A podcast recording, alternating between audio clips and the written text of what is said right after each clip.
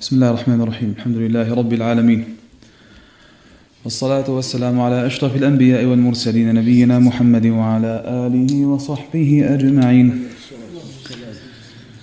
اللهم علمنا ما ينفعنا وانفعنا بما علمتنا يا عظيم اللهم ارحم شيخنا والحاضرين والمستمعين وبأسانيدكم وفقكم الله تعالى إلى الإمام ابن عبد الهادي في كتابه المحرر في الحديث قال كتاب الزكاة. قال باب فرض الزكاة ومقاديرها. قال عن ابن عباس رضي الله عنهما أن النبي صلى الله عليه وسلم بعث معاذا إلى اليمن فقال ادعوهم إلى شهادة أن لا إله إلا الله وأني رسول الله صلى الله عليه وسلم. فإنهم أطاعوك لذلك فأعلمهم أن الله قد افترض عليهم خمس صلوات في كل يوم وليلة. فإنهم أطاعوا لذلك فأعلمهم أن الله افترض عليهم صدقة في أموالهم تؤخذ من أغنيائهم وترد في فقرائهم. متفق عليه واللفظ البخاري وعن أنس بن مالك أن أبا بكر الصديق رضي الله عنهما لما لما استخلف كتب له حين وجهه إلى البحرين هذا الكتاب. وكان نقش الخاتم ثلاثة أسطر محمد سطر ورسول سطر ورسول سطر والله سطر.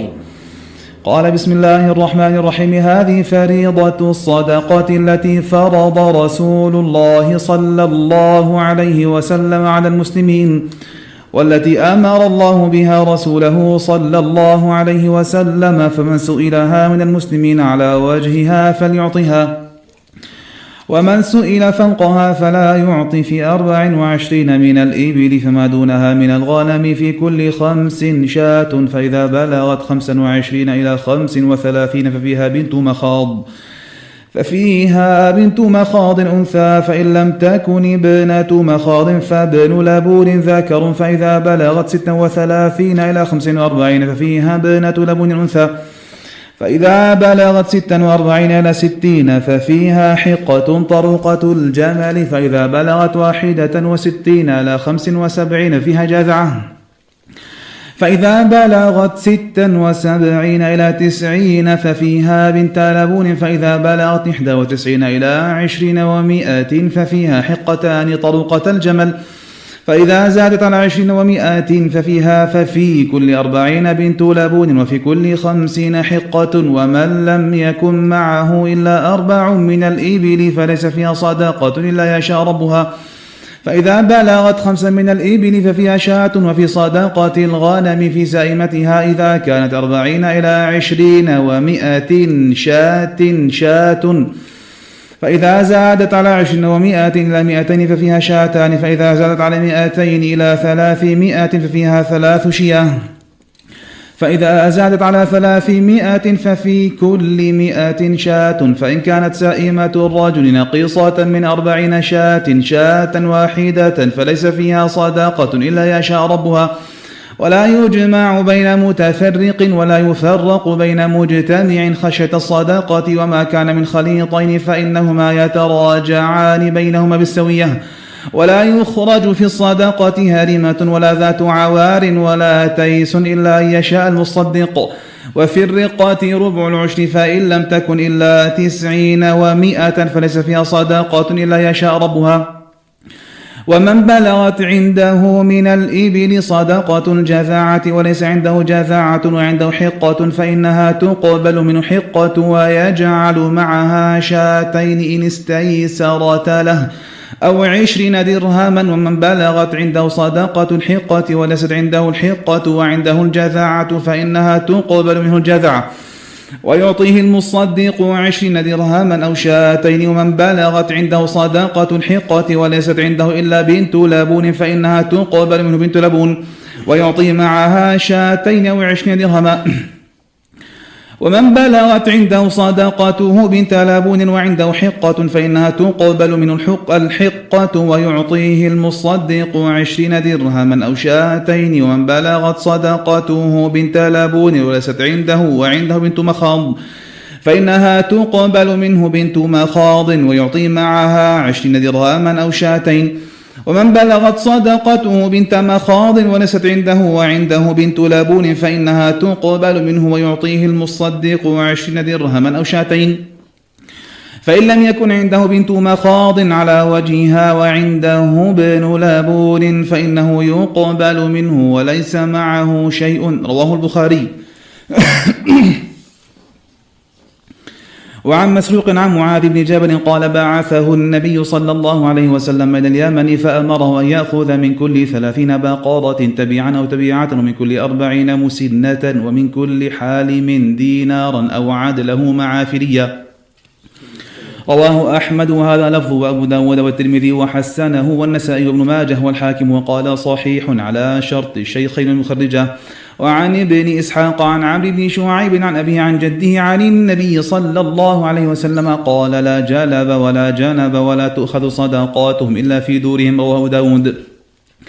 وللإمام أحمد عن أسامة بن زيد عن عمرو بن شعيب عن أبيه عن جده عبد الله بن عمرو أن رسول الله صلى الله عليه وسلم قال تؤخذ صدقات المسلمين على مياههم.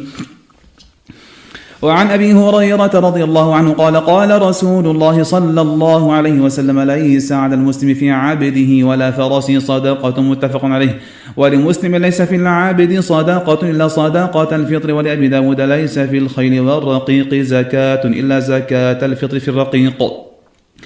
وعن بهز بن حكيم عن أبيه عن جده أن رسول الله صلى الله عليه وسلم قال في كل سائمة إبل في كل أربعين بنت لبون لا تفرق إبل عن حسابها عن حسابها. من أعطاها مؤتاجرا بها فله أجرها ومن منعها فإن آخذوها وشطر ماله عزمة من عزمات ربنا عز وجل. ليس لآل محمد صلى الله عليه وسلم منها شيء. رواه أحمد وأبو داود وهذا لفظه والنسائي. وعند أحمد والنسائي وشطر إبله والحاكم وقال صحيح الإسناد ولم يخرجه. وقال أحمد وعندي صالح الإسناد وقال الشافعي لا يشبه لا يشبه أهل العلم بالحديث. لا لا لا يثبته أهل العلم بالحديث ولو ثبت قلت به. وذكر ابن حبان أن بهزا كان يخطئ كثيرا ولولا رواية هذا الحديث لا أدخلت في الثقات وقال هو ممن أستخير الله فيه. وفي قوله نظر بل هذا الحديث صحيح وبهز ثقة عند أحمد وإسحاق وابن معين وابن المديني وأبي داود والترمذي والنسائي وغيرهم. والله أعلم. وقال أبو داود حدثنا سليمان بن داود المهري قال أخبرنا ابن وهب قال أخبرني جرير بن حازم وسمى آخر عن أبي إسحاق عن عاصم بن ضمرة والحارث الأعور.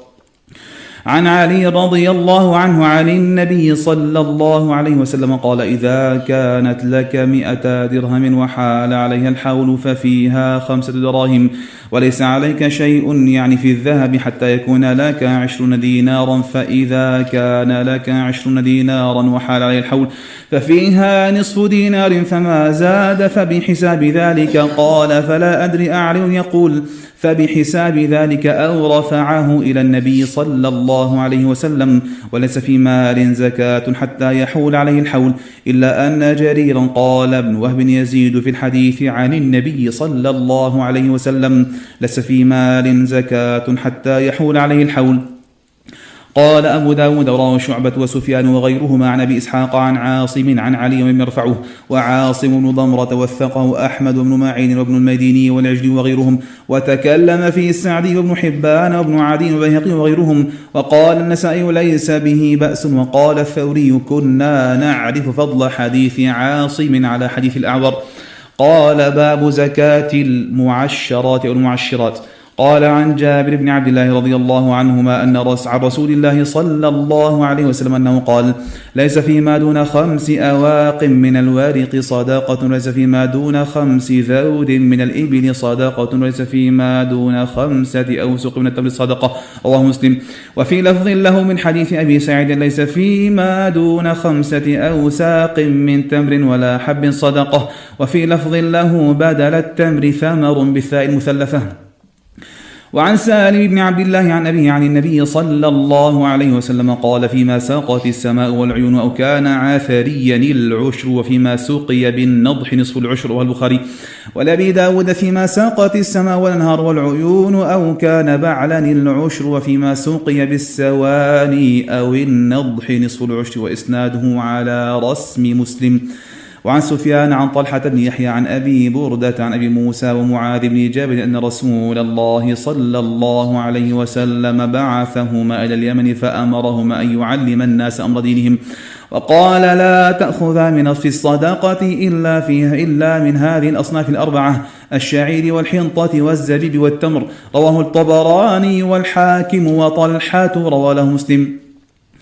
وعن إسحاق بن يحيى بن طلحة بن عبيد الله عن عمه عن, عن عمه موسى بن طلحة عن معاذ بن جبل أن رسول الله صلى الله عليه وسلم قال فيما ساقت السماء والبعل والسيل العشر وفيما سقي بالنضح نصف العشر وإنما يكون ذلك في التمر والحنطة والحبوب وأما القثاء والبطيخ والرمان والقصب فقد عفى عنه رسول الله صلى الله عليه وسلم. رواه الدار قطني والحاكم واللفظ له وقال صحيح الإسناد ولم يخرجه. وزعم أن موسى بن طلحة تابع كبير تابعي كبير. لا ينكر أن يدرك أيام معاذ. كذا قال وإسحاق بن يحيى تركه أحمد والنسائي وغيرهما. وقال أبو زرعة موسى بن ابن طلحة بن عبيد الله عن عمر مرسلا ومعاذ توفي في خلافة عمر. فرواية موسى عنه أولى بالإرسال وقد قيل إن موسى ولد في عهد النبي صلى الله عليه وسلم. وأنه سماه ولم يثبت. وقيل إنه صاحب عثمان مدة والمشهور في هذا ما رواه الثوري عن عمرو بن عثمان عن موسى بن طلحة قال عندنا كتاب معاذ بن جابر عن النبي صلى الله عليه وسلم أنه إنما, إنما أخذ الصدقة من الحنطة والشعير والزبيب والتمر. وعن عبد الرحمن بن مسعود قال جاء سهل بن أبي حثمة إلى مجلسنا قال أمرنا رسول الله صلى الله عليه وسلم؟ قال إذا خرصتم فخذوا ودعوا الثلث فإن لم تدعوا الثلث فدعوا الربع. رواه أحمد وأبو داود والترمذي والنسائي وأبو حاتم البستي والحاكم وقال هذا حديث صحيح الإسناد. وقال البزار لم يروه عن سهل إلا عبد الرحمن بن مسعود بن نياد وهو معروف.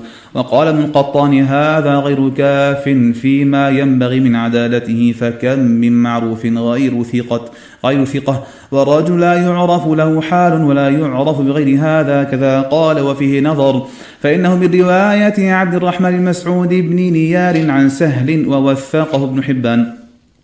وعن أبي أمامة بن سهل بن بن بن حنيف بن حنيف عن أبيه أن النبي صلى الله عليه وسلم نهى عن لونين من التمر الجعرور ولون الحبيق. وكان الناس يتيممون شر ثمارهم فيخرجونها في صدقاتهم فنزلت ولا تيمموا الخبيث منه تنفقون. رواه أبو داود والطبراني وهذا لفظ والحاكم وقال صحيح على شرط البخاري ولم يخرجه. وقد روي مرسلا وقال قال الدار القطني وهو الأولى بالصواب. وعن سليمان بن موسى عن أبي سيارة المتعي قال قلت يا رسول الله إن لي نخلا قال أدن عشرا. قلت يا رسول الله احمها لي فحماها. رواه أحمد بن ماجه وهذا لفظ وقال البيهقي وهذا أصح. وقال البيهقي وهذا أصح ما روي في وجوب العشر فيه ومنقطع. وقال البخاري وغيره ليس في زكاة العسل شيء يصح. قال باب في الحلي والعروض إذا كانت لتجارة.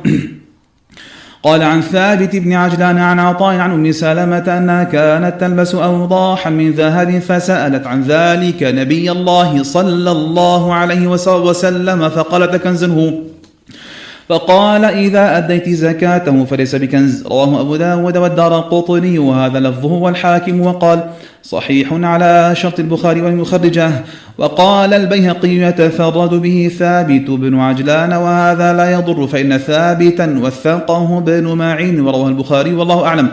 وعن سمرة بن جندب قال أما بعد فإن رسول الله صلى الله عليه وسلم كان يأمرنا أن نخرج الصدقة من الذي نعد للبيع. رواه داود. وروى البيهقي بإسناده عن أحمد بن حنبل قال حدثنا حفص بن غياث قال حدثنا عبيد الله بن عمر عن نافع عن ابن عمر رضي الله عنهما قال ليس في العروض زكاة إلا ما كان للتجارة. قال باب زكاة المعدن والركاز. عن أبي هريرة رضي الله عنه أن رسول الله صلى الله عليه وسلم قال العجماء جرحها جبار والبئر جبار والمعدن جبار وفي الركاز الخمس متفق عليه. وعن ربيعة بن أبي عبد الرحمن عن الحارث بن بلال بن الحارث عن أبيه رضي الله عنه أن رسول الله صلى الله عليه وسلم أخذ من معادن القبلية الصدقة وأنه أقطع بلال بن الحارث العقيق أجمع. فلما كان عمر بن الخطاب قال لبلال إن رسول الله صلى الله عليه وسلم لم يقطعك إلا لتعمل قال فأقطع عمر بن الخطاب للناس العقيق. رواه البيهقي وشيخه الحاكم من حديث نعيم بن حماد عن الدراوردي عنه وقال الحاكم احتج البخاري بنعيم بن حماد ومسلم بالدراوردي. وهذا حديث صحيح ولم يخرجه كذا قال والمشهور ما رواه مالك عن ربيعة عن غير واحد من علمائهم أن النبي صلى الله عليه وسلم قطع لبلال الحارث المزني. قطع لبلال بن الحارث المزني معادن القبلية وهي من ناحية الفرع. فتل فتلك المعادن لا يؤخذ منها إلا الزكاة إلى اليوم. قال الشافعي ليس هذا مما يثبت أهل الحديث ولو ثبته لم يكن فيه رواية عن النبي صلى الله عليه وسلم لا يقطعه فأما الزكاة في المعادن دون الخموس فليست مروية عن النبي صلى الله عليه وسلم فيه. قال باب صدقة الفطر. قال عن ابن عمر رضي الله عنهما قال فرض رسول الله صلى الله عليه وسلم زكاة الفطر صاعا من تمر أو صاعا من شعير على العبد والحر والذكر والأنثى والصغير والكبير المسلمين وأمر بها أن تؤدى قبل خروج الناس إلى الصلاة متفق عليه. وهذا لفظ البخاري وفي لفظ آخر فعدل الناس به نصف صاع من بر. وعن أبي سعيد الخدري قال كنا نعطيها في زمان النبي صلى الله عليه وسلم صاعا من طعام أو صاعا من تمر أو صاعا من شعير أو صاعا من زبيب. فلما جاء معاوية وجاءت السمراء قال أرى مدا من هذا يعدل مدين. متفق عليه ولفظ البخاري وفي لفظ أو صاعا من أقط. وقال أبو داود حدثنا حامد بن يحيى قال حدثنا سفيان قال حدثنا مسدد قال حدثنا يحيى عن ابن عجلان أنه سمع عياضا قال سمعت أبا سعيد الخدري يقول لا أخرج أبدا إلا صاعا إنا كنا نخرج على عهد رسول الله صلى الله عليه وسلم صاع تمر أو شعير. أو آقط أو زبيب. هذا حديث يحيى زاد سفيان بن عيينة في أوصاع من دقيق. قال حامد فأنكر عليه فتركه سفيان. قال أبو داود فهذه الزيادة وهم أو وهم من ابن عيينة. وقال النسائي لا أعلم أحدا قال في هذا الحديث دقيق غير قال لا أعلم أحدا قال في هذا الحديث دقيق دقيق أو دقيق دقيق غير سفيان بن عيينة. قال البيهقي ورواه جماعة عن ابن عجلان منهم حاتم بن إسماعيل ومن ذلك الوجه أخرجه مسلم في الصحيح. ويحيى القطان وأبو خالد الأحمر وحماد بن مسعدة وغيرهم. فلم يذكر أحد منهم الدقيق غير سفيان وقد أنكر عليه فتركه. وعن أبي يزيد الخولاني عن سيار بن عبد الرحمن عن عكريمة عن ابن عباس قال فرض رسول الله صلى الله عليه وسلم زكاة الفطر طهرة للصائم من اللغو والرفث وطعمة للمساكين من أداها قبل الصلاة فهي زكاة مقبولة ومن أداها بعد الصلاة فهي صدقة من الصدقات رواه أبو داود بن ماجه والحاكم وقال صحيح على شرط البخاري والمخرجة وليس كما قال فإن سيارا وأبا يزيد لم يخرج لهما الشيخان وأبو يزيد الخولاني هو الصغير فيه مروان بن محمد شيخ صدق وسيار قال أبو زرعة لا بأس به وقال أبو حاتم الشيخ وذكره ابن حبان في الثقات وقال الدار قطني رواه رواة هذا الحديث ليس فيه مجروح. وقال أبو محمد المقدسي هذا إسناد حسن والله أعلم. قال باب قسم الصدقات. قال عن عطاء بن ياسر عن أبي سعيد الخدري. قال قال رسول الله صلى الله عليه وسلم لا تحل الصدقة لغني إلا لخمسة لعامل عليها أو رجل اشتراها بماله أو غارم أو غاز في سبيل الله أو مسكين تصدق عليه منها فأهدى منها لغني.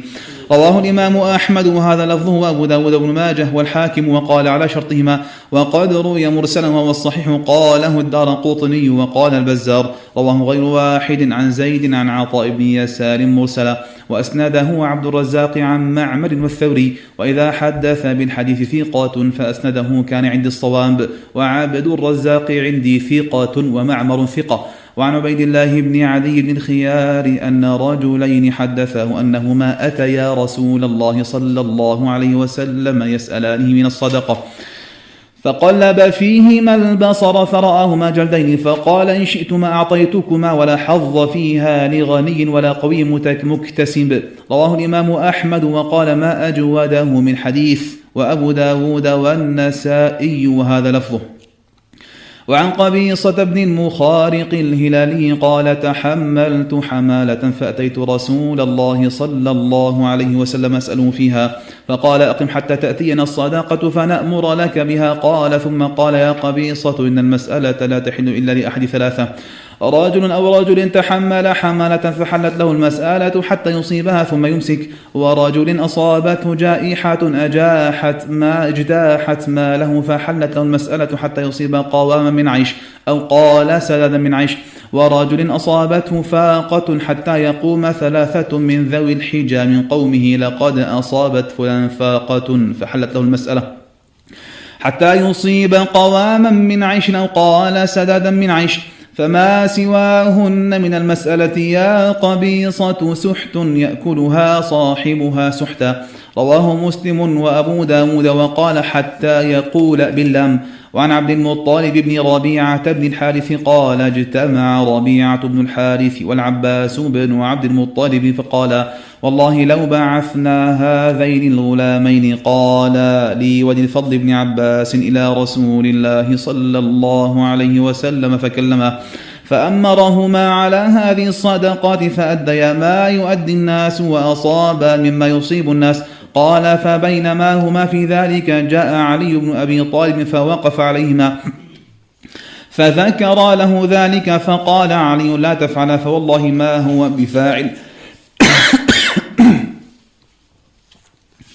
فانتحاه ربيعة بن حارث فقال والله ما تصنع هذا إلا نفاسة منك علينا فوالله لقد نلت صهر رسول الله صلى الله عليه وسلم فما نفسناه عليك.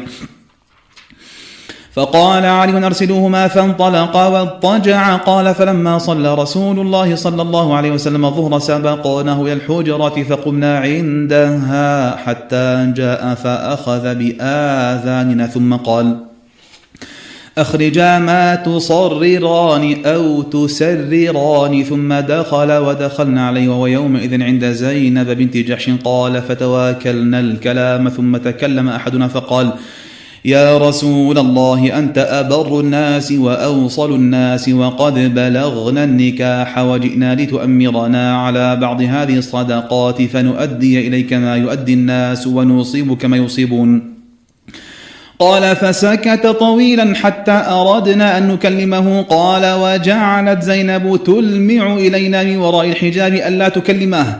ثم قال ثم قال إن الصدقة لا تنبغي لآل محمد إنما هي أوساخ الناس. ادعوا لي محمية وكان على الخمس ونوفل بن الحارث بن عبد المطلب.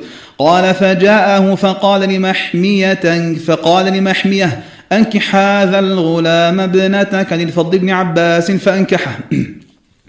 وقال لنوفل بن الحارث أنكح هذا الغلام ابنتك لي فأنكحني وقال لمحمية أصدق عنهما من الخموس كذا وكذا قال الزهري ولم يسمه لي وفي طريق آخر فألقى علي رداءه فألقى علي رداءه ثم اضطجع عليه وقال أنا أبو حسن القرم والله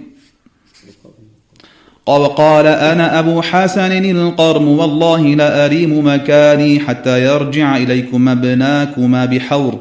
ما بعث ما بعثت ما به إلى رسول الله صلى الله عليه وسلم وقال في الحديث ثم قال لنا إن هذه الصدقات إنما هي أوساخ الناس وإنها لا تحل لا تحل لمحمد ولا لآل محمد رواه مسلم.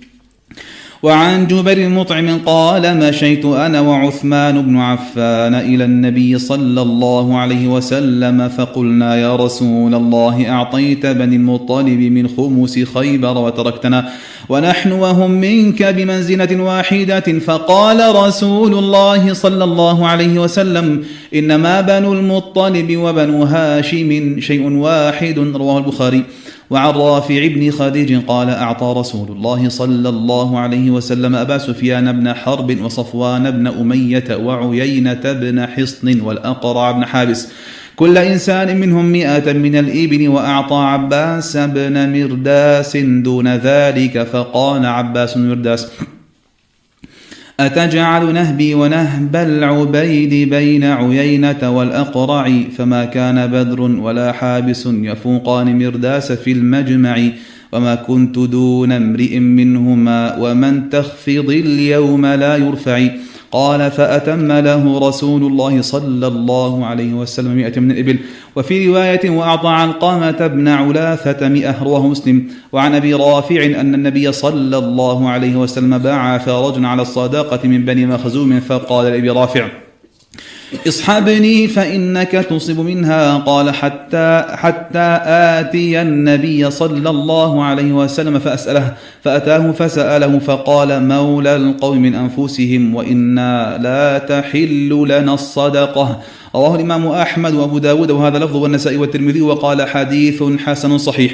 وعن سالم بن عبد الله بن عمر عن أبيه رضي الله عنه أن رسول الله صلى الله عليه وسلم كان يعطي عمر العطاء فيقول له عمر أعطه يا رسول الله أفقر إليه مني. فقال رسول الله صلى الله عليه وسلم خذه فتموله أو تصدق به وما جاءك من هذا المال وأنت غير مشرف ولا سائل فخذه ولا وما لا فتتبع نفسك. قال سالم فمن أجل ذلك كان ابن عمر لا يسأل أحدا شيئا ولا يرد شيئا أعطيه. رواه مسلم. قال باب في المسألة قال عن عبد الله بن عمر رضي الله عنهما قال قال رسول الله صلى الله عليه وسلم ما يزال الرجل يسأل الناس حتى يأتي يوم القيامة ليس في وجهه مزعة لحم. متفق عليه. وعن أبي هريرة رضي الله عنه قال قال رسول الله صلى الله عليه وسلم من سأل الناس أموالهم تكثرا فإنما يسأل جمرا فليستقل أو ليستكثر رواه مسلم. وعن الزبير بن عوام رضي الله عنه عن النبي صلى الله عليه وسلم قال لن يأخذ أحدكم حبلة فيأتي بحزمة الحطب على ظهره فيبيعها فيكف الله بها وجهه خير له من أن يسأل الناس أعطوه أو منعوه. رواه البخاري. وعن سامورة بن جندب رضي الله عنه قال قال رسول الله صلى الله عليه وسلم إن المسألة كد يكد بها الرجل وجهه إلا أن يسأل الرجل سلطانا أو في أمر لا بد منه رواه الترمذي وصححه.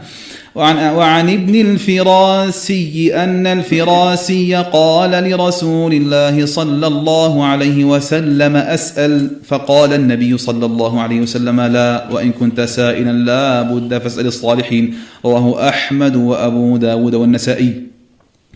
قال باب صدقة التطوع. قال عن أبي هريرة رضي الله عنه عن النبي صلى الله عليه وسلم قال سبعة يظلهم الله في ظله يوم لا ظل إلا ظله. إمام عادل وشاب نشأ في عبادة الله ورجل قلبه معلق بالمساجد ورجلان تحابا في الله اجتمع عليه وتفرقا عليه. ورجل دعته امرأة ذات منصب وجمال فقال إني أخاف الله. ورجل تصدق بصدقة فأخفاها حتى لا تعلم شماله ما تنفق يمينه. ورجل ذكر الله خاليا ففاضت عيناه. متفق عليه.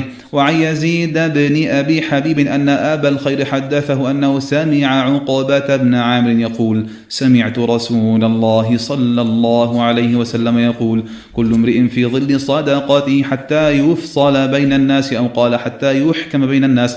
قال يزيد وكان أبو الخير لا يخطئه يوم لا يتصدق فيه بشيء ولو كعكة أو بصلة. رواه الحاكم وقال صحيح على شرط مسلم المخرجة وعن أبي خالد الذي كان ينزل في بني دالان عن نبيح عن أبي سعيد عن النبي صلى الله عليه وسلم قال أيما مسلم كسى مسلما ثوبا على عري كساه الله من خضر الجنة وأيما مسلم أطعم مسلما على جوع أطعمه الله من ثمار الجنة وأيما مسلم سقى مسلما على ظمأ سقاه الله من الرحيق المختوم رواه أبو داود ونبيح العنزي وثقه أبو زرعة وابن حبان وأبو خالد اسمه يزيد وقد وثقه أبو حاتم الرازي. وقال ابن معين والنسائي ليس ببأس وقال الحاكم أبو أحمد لا يتابع في بعض حديثه. وعن ابن عباس رضي الله عنهما قال كان النبي صلى الله عليه وسلم أجود الناس بالخير. وكان أجود ما يكون في شهر رمضان حين يلقاه جبريل وكان جبريل عليه السلام يلقاه كل ليلة في رمضان حتى ينسلخ. يعرض عليه النبي صلى الله عليه وسلم القرآن فإذا لقيه جبريل عليه السلام كان أجود بالخير من الريح المرسلة. متفق عليه.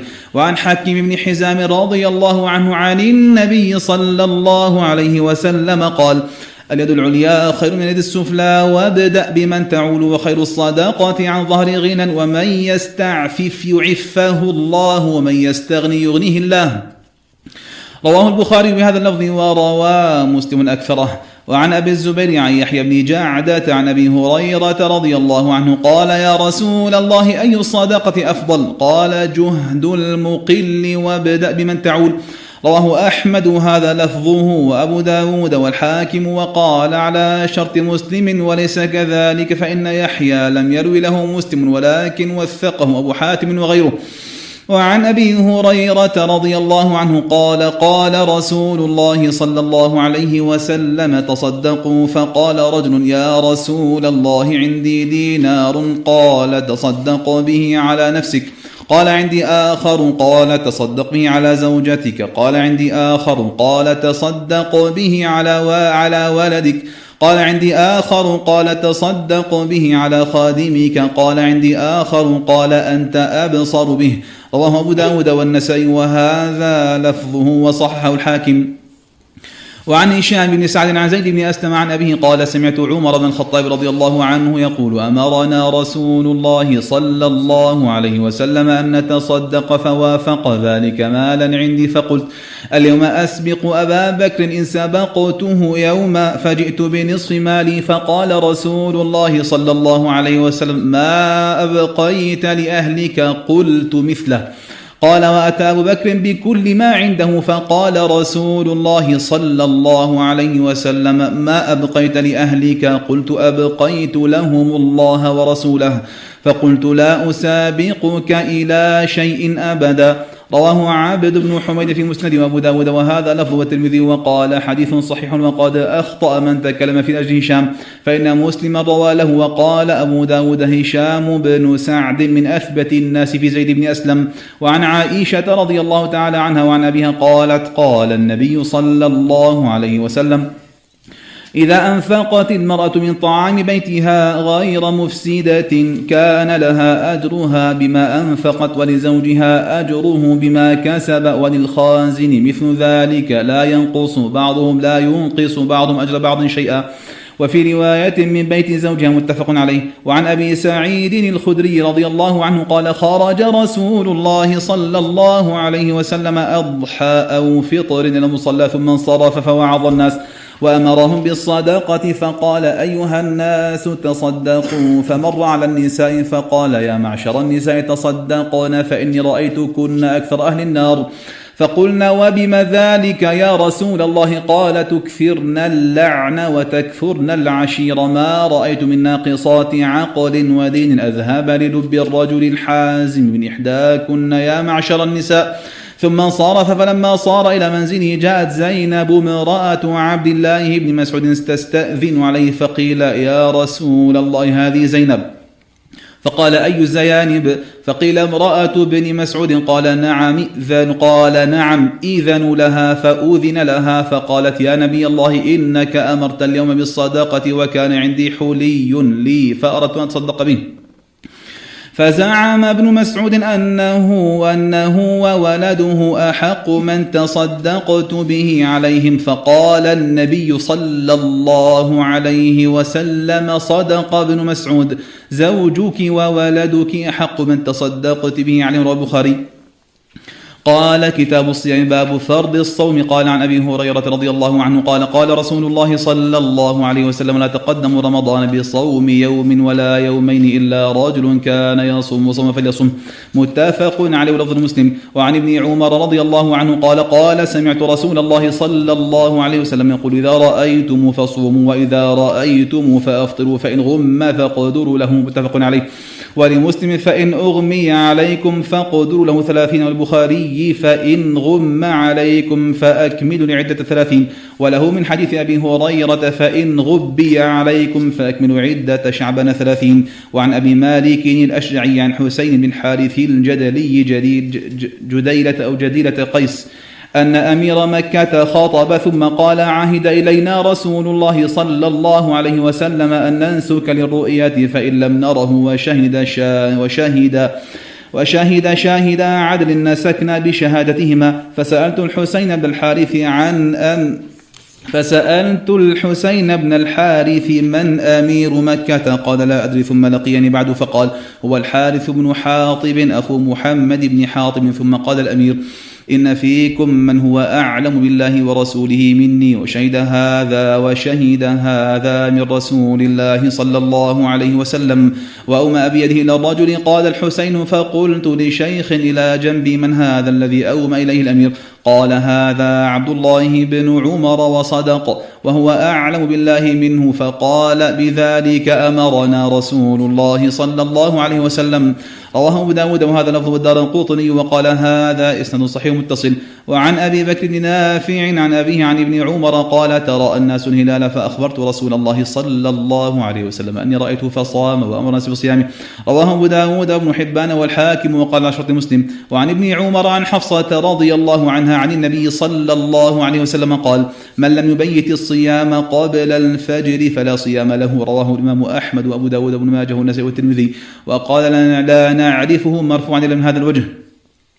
وقد روي عن نافع عن ابن عمر قوله وأصح وقال النسائي والصواب عندنا موقوف وقال البهقي قد اختلف على الزري في إسناده وفي رفعه. وعبد الله بن أبي بكر أقام إسناده ورفعه وهو من الثقات الأثبات. وعن عائشة رضي الله عنها وعن أبيها قالت دخل علي النبي صلى الله عليه وسلم ذات يوم فقال هل عندكم شيء؟ فقلنا لا. قال فإني إذا صائم. ثم أتانا يوما آخر فقلنا يا رسول الله أهدي لنا حيس فقال أرنيه فلقد أصبحت صائما فأكل. وفي لفظ قال طلحة وابن يحيى فحدثت مجاهدا بهذا الحديث فقال ذاك بمنزلة الرجل يخرج الصدقة من ماله فإن شاء أمضاها وإن شاء أمسكها مسلم. وعن سهل بن سعد رضي الله عنه أن رسول الله صلى الله عليه وسلم قال لا يزال الناس بخير ما عجل الفطر. وعن أنس بن مالك رضي الله عنه قال قال رسول الله صلى الله عليه وسلم تسحروا فإن في السحور بركة متفق عليه. وعن سلمان بن عامر الضبي عن النبي صلى الله عليه وسلم قال إذا أفطر أحدكم فليفطر على تمر فإن لم يجد فليفطر على ماء فإنه طهور. رواه أحمد وأبو داود والنسائي بن ماجه والترمذي وهذا لفظ وصححه ابن حبان والحاكم وقال عشرة البخاري. وعن أبي هريرة رضي الله عنه قال نهى رسول الله صلى الله عليه وسلم عن الوصال فقال رجل مسلمين فإنك يا رسول الله تواصل. قال رسول الله صلى الله عليه وسلم وأيكم مثلي؟ إني أبيت يطعمني ربي ويسقيني. فلما أبوا أن ينتهوا عن الوصال واصل بهم يوما ثم يوما ثم رأوا الهلال فقال لو تأخر الهلال لزدتكم. كالمنكر لهم حين أبوا أن ينتهوا. متفق عليه لفظ مسلم. وعنه قال قال رسول الله صلى الله عليه وسلم من لم يدع قول الزور والعمل به فليس لله تعالى حالة في أن يدع طعاما وشرب البخاري. وعن زيد بن خالد الجهني عن النبي صلى الله عليه وسلم قال من فطر صائما كتب له مثل أجره إلا أنه لا ينقص من أجر الصائم شيء. رواه الإمام أحمد. وهذا لفظ ابن ماجه وابن حبان والنسائي والترمذي وصححه. وعن عائشة رضي الله تعالى عنها وعن أبيها قالت كان رسول الله صلى الله عليه وسلم يقبل وهو صائم ويباشر وهو صائم ولكنه كان أملككم لإربه. متفق عليه ولفظ المسلم. وله عنها رضي الله عنها قالت كان رسول الله صلى الله عليه وسلم يقبل في رمضان وهو صائم وعن ابن عباس رضي الله عنهما أن النبي صلى الله عليه وسلم احتاج وهو محرم واحتاج وهو صائم. رواه البخاري. وعن شداد بن أوس أن النبي صلى الله عليه وسلم أتى على رجل في البقيع وهو يحتاجم وهو آخذ بيدي لثمان عشرة خلت من رمضان فقال أفطر الحاجم المحجوم. ورواه رواه الإمام أحمد وأبو داود وهذا لفظ والنسائي بن ماجه وابن حبان والحاكم وقال هو حديث ظاهر صحته وصححه أيضا أحمد وإسحاق وابن المديني وعثمان الدارمي وغيرهم وقال ابن خزيمة وقال ابن خزيمة ثبتت الأخبار عن النبي صلى الله عليه وسلم أنه قال أفطر الحاج المحجوم. وعن أنس بن مالك رضي الله تعالى عنه قال أول ما كرهت الحجامة للصائم أن جعفر بن أبي طالب احتاجم وصائم فمر به النبي صلى الله عليه وسلم فقال أفطر هذان ثم رخص النبي صلى الله عليه وسلم بعد في الحجامة للصائم وكان آنس يحتجم وصائم. رواه الدار قطني وقال كلهم ثقات ولا أعلم له علة. وفي قوله نظر من غير وجه والله أعلم. وعن أبي هريرة رضي الله عنه قال قال رسول الله صلى الله عليه وسلم من نسي وهو صائم فأكل أو شرب فليتم صومه فإنما أطعمه الله وسقاه. متفق عليه. هذا وهذا لفظ مسلم وللبخاري فأكل وشرب. وللدار قطني والحاكم وصححه من أفطر في رمضان ناسيا فلا قضاء عليه ولا كفارة. وعنه عن النبي صلى الله عليه وسلم قال من ذرعه القيء فلا قضاء عليه ومن استقاء فعليه القضاء. رواه الإمام أحمد وأبو داود قال سمعت أحمد يقول ليس من ذا شيء والنسائي وابن ماجه وهذا لفظ والترمذي وقال حديث حسن غريب. وقال قال محمد يعني البخاري لا أراه محفوظا والدار قطني وقال في رواته كل ثقات والحاكم وقال صحيح على شرطهما. ورواه النسائي أيضا موقوفا وقد روي عن أبي هريرة أنه قال في القي لا يفطر. وعن جابر بن عبد الله رضي الله عنهما أن رسول الله صلى الله عليه وسلم خرج عام الفتح إلى مكة في رمضان فصام حتى بلغ كراع الغنيم فصام الناس. ثم دعا بقدح من ماء فرفعه حتى نظر الناس إليه ثم شرب فقيل له بعد ذلك إن بعض الناس قد صام فقال أولئك العصاة أولئك العصاة أولئك العصاة. وفي لفظ فقيل له إن الناس قد شق عليهم الصيام وإنما ينتظرون فيما فعلت فدعا بقدح من ماء بعد العصر. رواه مسلم. وروى أيضا عن حمزة عن حمزة بن عمرو الأسلمي أنه قال يا رسول الله أجد بقوة على الصيام في السفر فهل علي جناح. فقال رسول الله صلى الله عليه وسلم هي رخصة من الله تعالى فمن أخذ بها فحسن ومن أحب أن يصوم فلا جناح عليه. وعن ابن عباس رضي الله عنهما قال رخص للشيخ الكبير أن يفطر ويطعم عن كل يوم مسكين ولا قضاء عليه. رواه الدار القوطني وقال هذا إسناد صحيح والحاكم وقال صحيح على شرط البخاري. وعن أبي هريرة رضي الله عنه قال جاء رجل إلى النبي صلى الله عليه وسلم فقال هلكت يا رسول الله؟ قال وما أهلكك؟ قال وقعت على امرأتي في رمضان. قال هل تجد ما تعتق رقبة؟ قال لا. قال فهل تستطيع أن تصوم شهرين متتابعين؟ قال لا. قال فهل تجد ما تطعم ستين مسكينا؟ قال لا. ثم جلس فأتى النبي صلى الله عليه وسلم بعرق فيه تمر فقال تصدق بهذا؟ فقال على أفقر منا. ثم بين لابتيها أهل بيت أفقر إليه منا فضحك النبي صلى الله عليه وسلم حتى بدت أنيابه ثم قال اذهب فأطعموا أهلك. متفق عليه واللفظ المسلم وقد روي الأمر بالقضاء من غير وجه ومختلف في صحته. وعن عائشة رضي الله عنها وعن أبيها قالت أن رسول الله صلى الله عليه وسلم قال من مات وعليه صيام صام عنه وليه متفق عليه. وقد تكلم فيه الإمام أحمد بن حنبل قال باب في قيام شهر رمضان عن أبي هريرة رضي الله عنه أن رسول الله صلى الله عليه وسلم قال من قام رمضان إيمانا واحتسابا غفر له ما تقدم من ذنبه. متفق عليه. وعن عائشة رضي الله عنها أن رسول الله صلى الله عليه وسلم خرج ليلة من جوف الليل فصلى في المسجد وصلى رجال بصلاته فأصبح الناس فتحدثوا فاجتمع أكثر منهم فصلى فصلوا معه. فأصبح الناس فتحدثوا فكثر أهل المسجد من الليلة الثالثة فخرج رسول الله صلى الله عليه وسلم فصلى صلاته. فلما كانت الليلة الرابعة عجز المسجد عن أهله حتى خرج لصلاة الصبح فلما قضى الفجر أقبل على الناس فتشهد. ثم قال أما بعد فإنه لم يخف فإنه لم يخف علي مكانكم ولكني خشيت أن تفرض عليكم فتعجزوا عنها.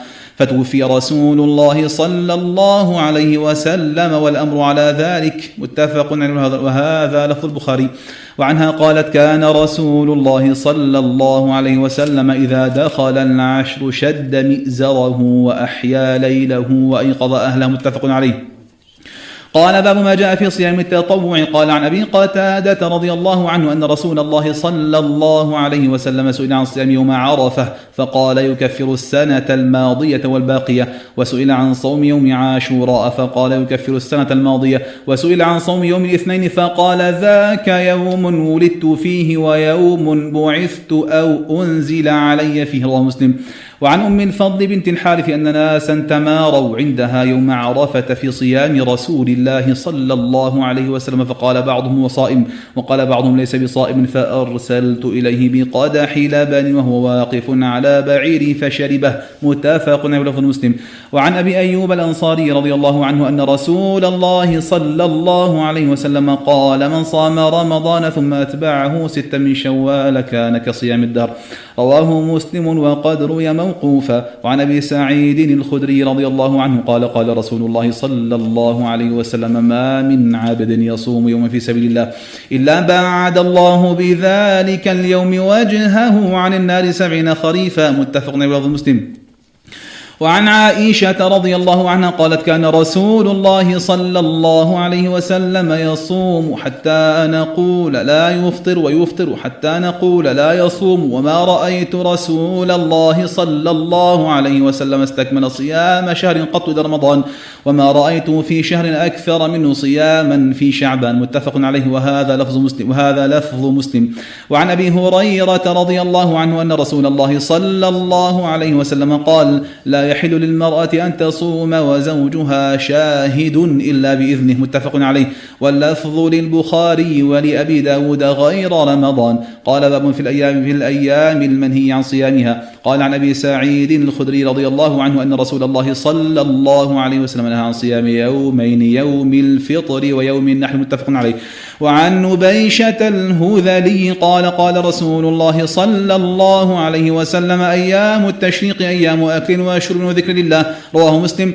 وروى البخاري عن الزهري عن عروة عن عائشة وعن سالم عن ابن عمر قال لم يرخص في أيام التشريق أن يصمن إلا لمن لم يجد الهدي. وعن ابن سيرين عن أبي هريرة رضي الله عنه عن النبي صلى الله عليه وسلم قال لا تختصوا ليلة الجمعة بقيام من بين الليالي ولا تختصوا يوم الجمعة بصيام من بين الأيام إلا أن يكون في صوم يصومه أحدكم رواه مسلم.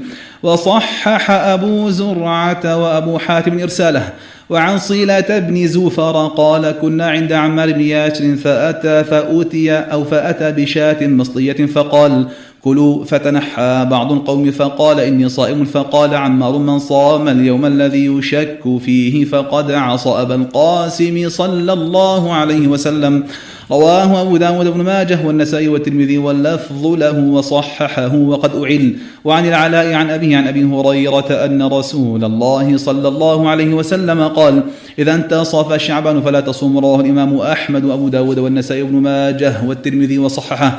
وقال أحمد هو هو حديث منكر وكان ابن مهدي لا يحدث به. قال والعلاء ثقة لا ينكر من حديثه إلا هذا. وعن عبد الله بن بسر عن أخته الصماء أن النبي صلى الله عليه وسلم قال لا تصوموا يوم السبت إلا فيما افترض عليكم وإن لم يجد أحدكم إلا لحاء عنب أو عود شجرة فليمضغها. رواه أحمد وأبو داود وهذا لفظه وابن ماجه والنسائي والترمذي وحسنه والحاكم وصححه. وزعم أبو داود أنه منسوخ وقال مالك هو كذب وفي ذلك نظر والله أعلم. قال باب الاعتكاف. قال عن عائشة رضي الله عنها أن النبي صلى الله عليه وسلم كان يعتكف العشر الأواخر من رمضان حتى توفاه الله ثم اعتكف أزواجه من بعد متفق عليه. وعنها قالت كان رسول الله صلى الله عليه وسلم إذا أراد أن يعتكف صلى الفجر ثم دخل معتكفه الحديث. متفق عليه واللفظ المسلم وعنها قالت إن كان رسول الله صلى الله عليه وسلم لا يدخل علي رأسه وهو في المسجد المسجد فأرجله. وكان لا يدخل وكان لا يدخل البيت إلا لحاجة إذا كان معتكفا رواه البخاري وعنها رضي الله عنها أنها قالت السنة على المعتكف ألا يعود مريضا ولا يشهد جنازة أو جنازة ولا يمس امرأة ولا يباشرها ولا ولا يخرج لحاجة إلا لما لا بد له منه. ولا اعتكاف إلا بصوم ولا اعتكاف إلا في مسجد جامع رواه أبو داود وقال غير عبد الرحمن بن إسحاق وقال غير عبد الرحمن بن إسحاق لا يقول فيه. قالت السنة جعله قول عائشة وعن ابن عباس رضي الله عنهما أن النبي صلى الله عليه وسلم قال ليس على المعتكف صيام إلا أن يجعله على نفسه. رواه الدار والحاكم والصحيح أنه موقوف ورفعه وهم والله أعلم. قال باب في ليلة القدر. قال عن ابن عمر رضي الله عنهما أن رجال من أصحاب رسول الله صلى الله عليه وسلم أروا ليلة القدر في المنام في السبع الأواخر. فقال رسول الله صلى الله عليه وسلم أرى رؤياكم قد قد تواطأت في السبع الأواخر فمن كان متحريها فليتحرها في السبع الأواخر. متفق عليه. وعن أبي سعيد الخدري رضي الله عنه قال اعتكفنا مع النبي صلى الله عليه وسلم العشر الأوسط من رمضان فخرج صبيحة عشرين فخطبنا. وقال إني أريت ليلة القدر ثم أنسيتها أو قال نسيتها فالتمسوها في العشر الأواخر من الوتر وإني رأيت أني أسجد في ماء وطين فمن كان اعتكف مع رسول الله صلى الله عليه وسلم فليرجع.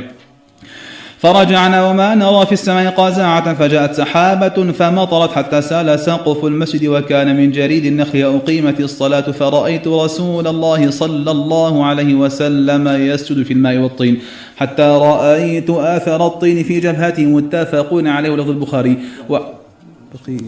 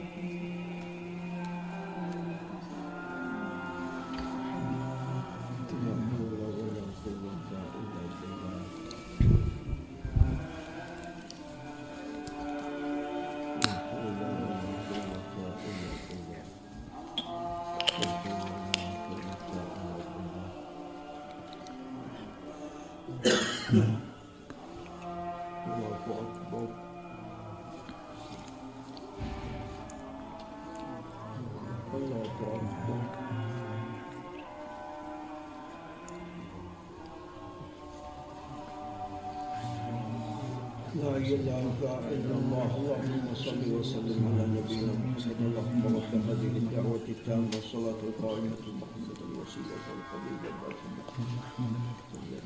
نعم أكمل حتى إلى المواقيت. نعم.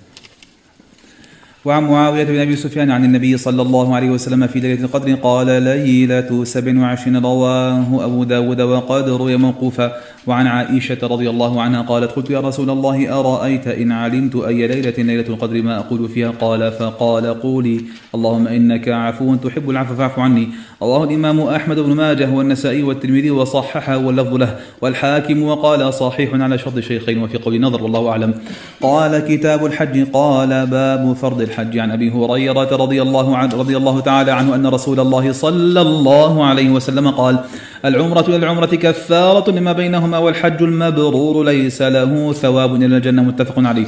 وعن عائشة رضي الله عنها قالت قلت يا رسول الله على النساء جهاد. قال نعم عليهن جهاد لا قتال فيه الحج والعمرة.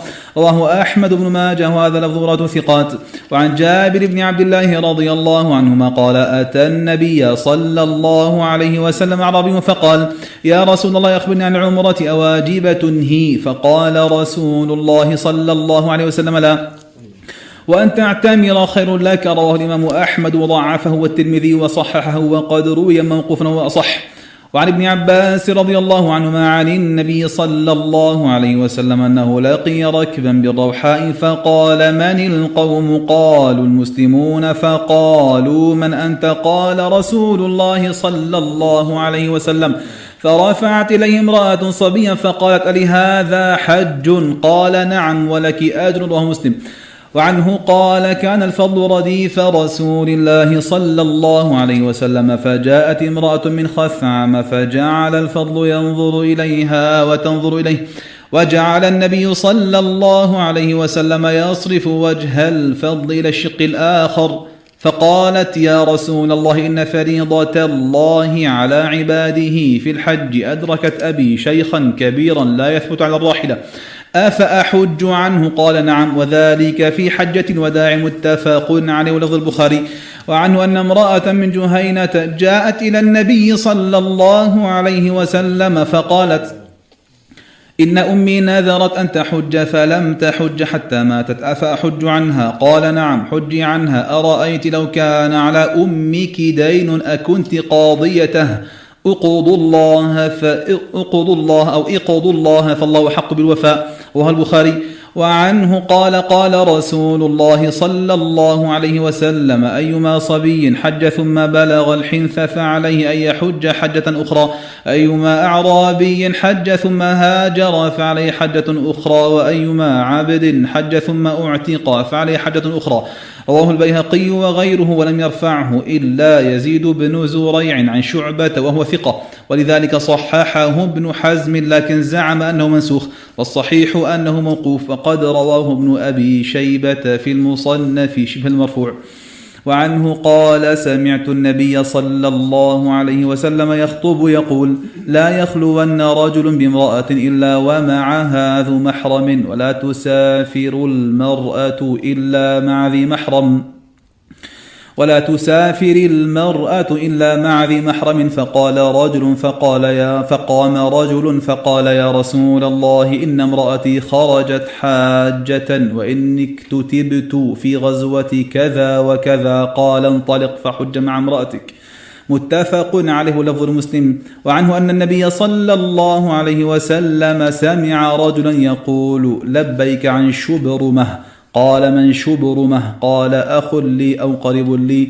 قال حججت عن نفسك. قال لا. قال حج عن نفسك. ثم حج عن شبرمه رواه أبو داود وهذا لفظ ابن ماجه وابن حبان وصحح البيهقي إسناده والإمام أحمد وقفه.